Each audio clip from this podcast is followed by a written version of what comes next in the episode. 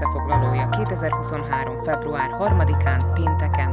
A nap legfontosabb eseményeit ma Barak László válogatta és kommentálja. A mikrofonnál Kuklis Katalin. A lényeget megéri hallgatni, a Kauflandban pedig megéri vásárolni.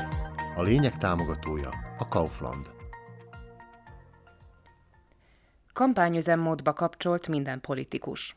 Plusz, akik sokkal inkább szimpla prostik, mint sem politikusok, hiszen a politizáláshoz legfeljebb annyi közük van, hogy abból élnek. Akár csak a prostik, akik odatartják pénzért, ami a kuncsaftnak kell. A normális politikusok célja egyébként egyáltalán nem az altáj örömszerzés, hanem csak annyi, hogy kell legyen némi elképzelésük a közügyek közhasznú oldásáról a szolgálat jegyében.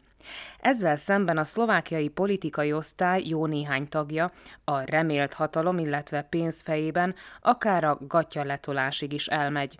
Egy eféle haszonleső népbutító díszpéldány például az a Gyimesi György nevű egyszerű ember, aki 15 perc hírnévért bármire képes, és ha kell, annak a bárminek az ellenkezőjére is kapható. Íme a bizonyíték.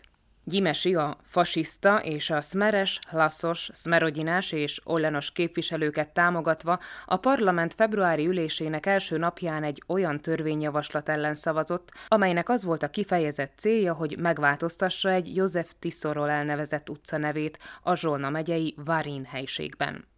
A Varini önkormányzat már többször elutasította az utca nevének módosítását, pedig arra már az ügyész is kötelezte őket. A törvényjavaslatot Gyimesi aktív segítségével a parlament elutasította, holott Gyimesi azt elismerte, probléma a Tisza utca, de úgymond a szóban forgó törvényjavaslat atombombát dob oda, ahová egy gránát is elég lenne, mert hogy szerinte megszüntetné például az Eszterházi János utcát is. Eztán, ahogy mostanában az önmagukat konzervatívoknak hirdetett népbutító fasisztoid politikai prostik teszik, belerúgott a törvényjavaslatot előterjesztő PS képviselőjébe is.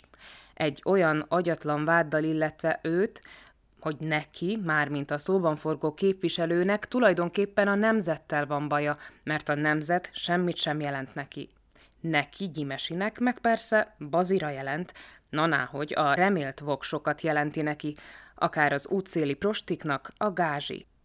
Nem mellesleg ugyanígy vadászott a remélt voksokra egyébként 2020 novemberében is, amikor még bizony csont nélkül megszavazta ugyanazt a törvényt, amelynek módosító javaslatától most akkora mély nemzeti rohamot kapott, hogy esetleg még Budapestről is látják, de erre akkor még mintha nem lett volna neki oly égetően szüksége, vagy talán akkor még nem volt nemzeti konzervatív. Ezért nem okozott neki akkora fejfájást, hogy Eszterháziról lehet-e utcát elnevezni, avagy sem. Szóval van gond akármennyi. Tessék elképzelni, hogyan meglepődhetett egy másik politikai bárcás, Robert Kalinyák azon, hogy korrupcióval gyanúsította meg a NAKA nyomozója. Szegénykém. Ahogy ügyvédje üzente, még majd panaszt is benyújtanak a gyanúsítás miatt. A gyanú szerint Robert Kalinyák és József Brhál oligarcha František Imrecének kenőpénzt adtak többször is, amikor Imrece még a pénzügyi hatóság vezetője volt. Nyilván, hogy hunjon szemet a delikvens, avagy éppen, hogy szigorúan éber legyen, amikor kell. A Zsozsó meg úgymond bérkiegészítésként funkcionált – Erről bíróság előtt vallott többször is Imrece, aki szerint a készpénzt a Hilton Hotel irodájában kapta meg. Na mondjuk ez az ügy aztán egyáltalán nem holmi nemzeti érzelmekről, magamutogatásról szól, hanem elég keményen racionális. Lássuk be, az viszont kevésbé racionális cselekmény, hogy valamilyen hülye bombariadót okoz Igor Matovics az Olano vezetőjének a házában. A hírt Peter Deutschan, a mozgalom média csapatának tagja erősítette meg a TASR hírügynökségnek rendkívül undorító és gyáva cselekedetnek minősítve a fenyegetést. Konkrétan, hogy bárki családját és otthonát megtámadja valaki vagy valakik. A szóvivő nem felejtette hozzátenni, hogy Igor Matovicsot nem lehet megfélemlíteni. Hát ha pont ez a félmondat nem hangzik el, talán senkiben nem merül fel, hogy bizony benne vagyunk már a kampány sűrűjében, Egyébként az ügyel már természetesen foglalkozik a rendőrség, és megtették a szükséges intézkedéseket, ahogy kell. Úgy tűnik alacsonyan szállnak a bombákkal fenyegetőzők, mert volt pénteken egy másik bombariadó is. Nyilván nem véletlenül abban a társasházban, ahol Daniel Lipschitz különleges ügyész lakik. Erről maga Lipschitz tájékoztatott a közösségi hálón. Ezt az épületet is átvizsgálták a pirotechnikusok, és szerencsére itt sem találtak bombát.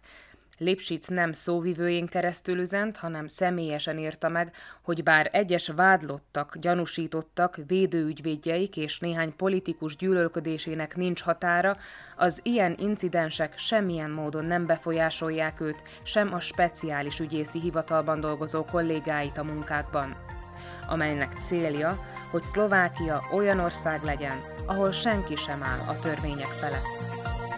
Ámen.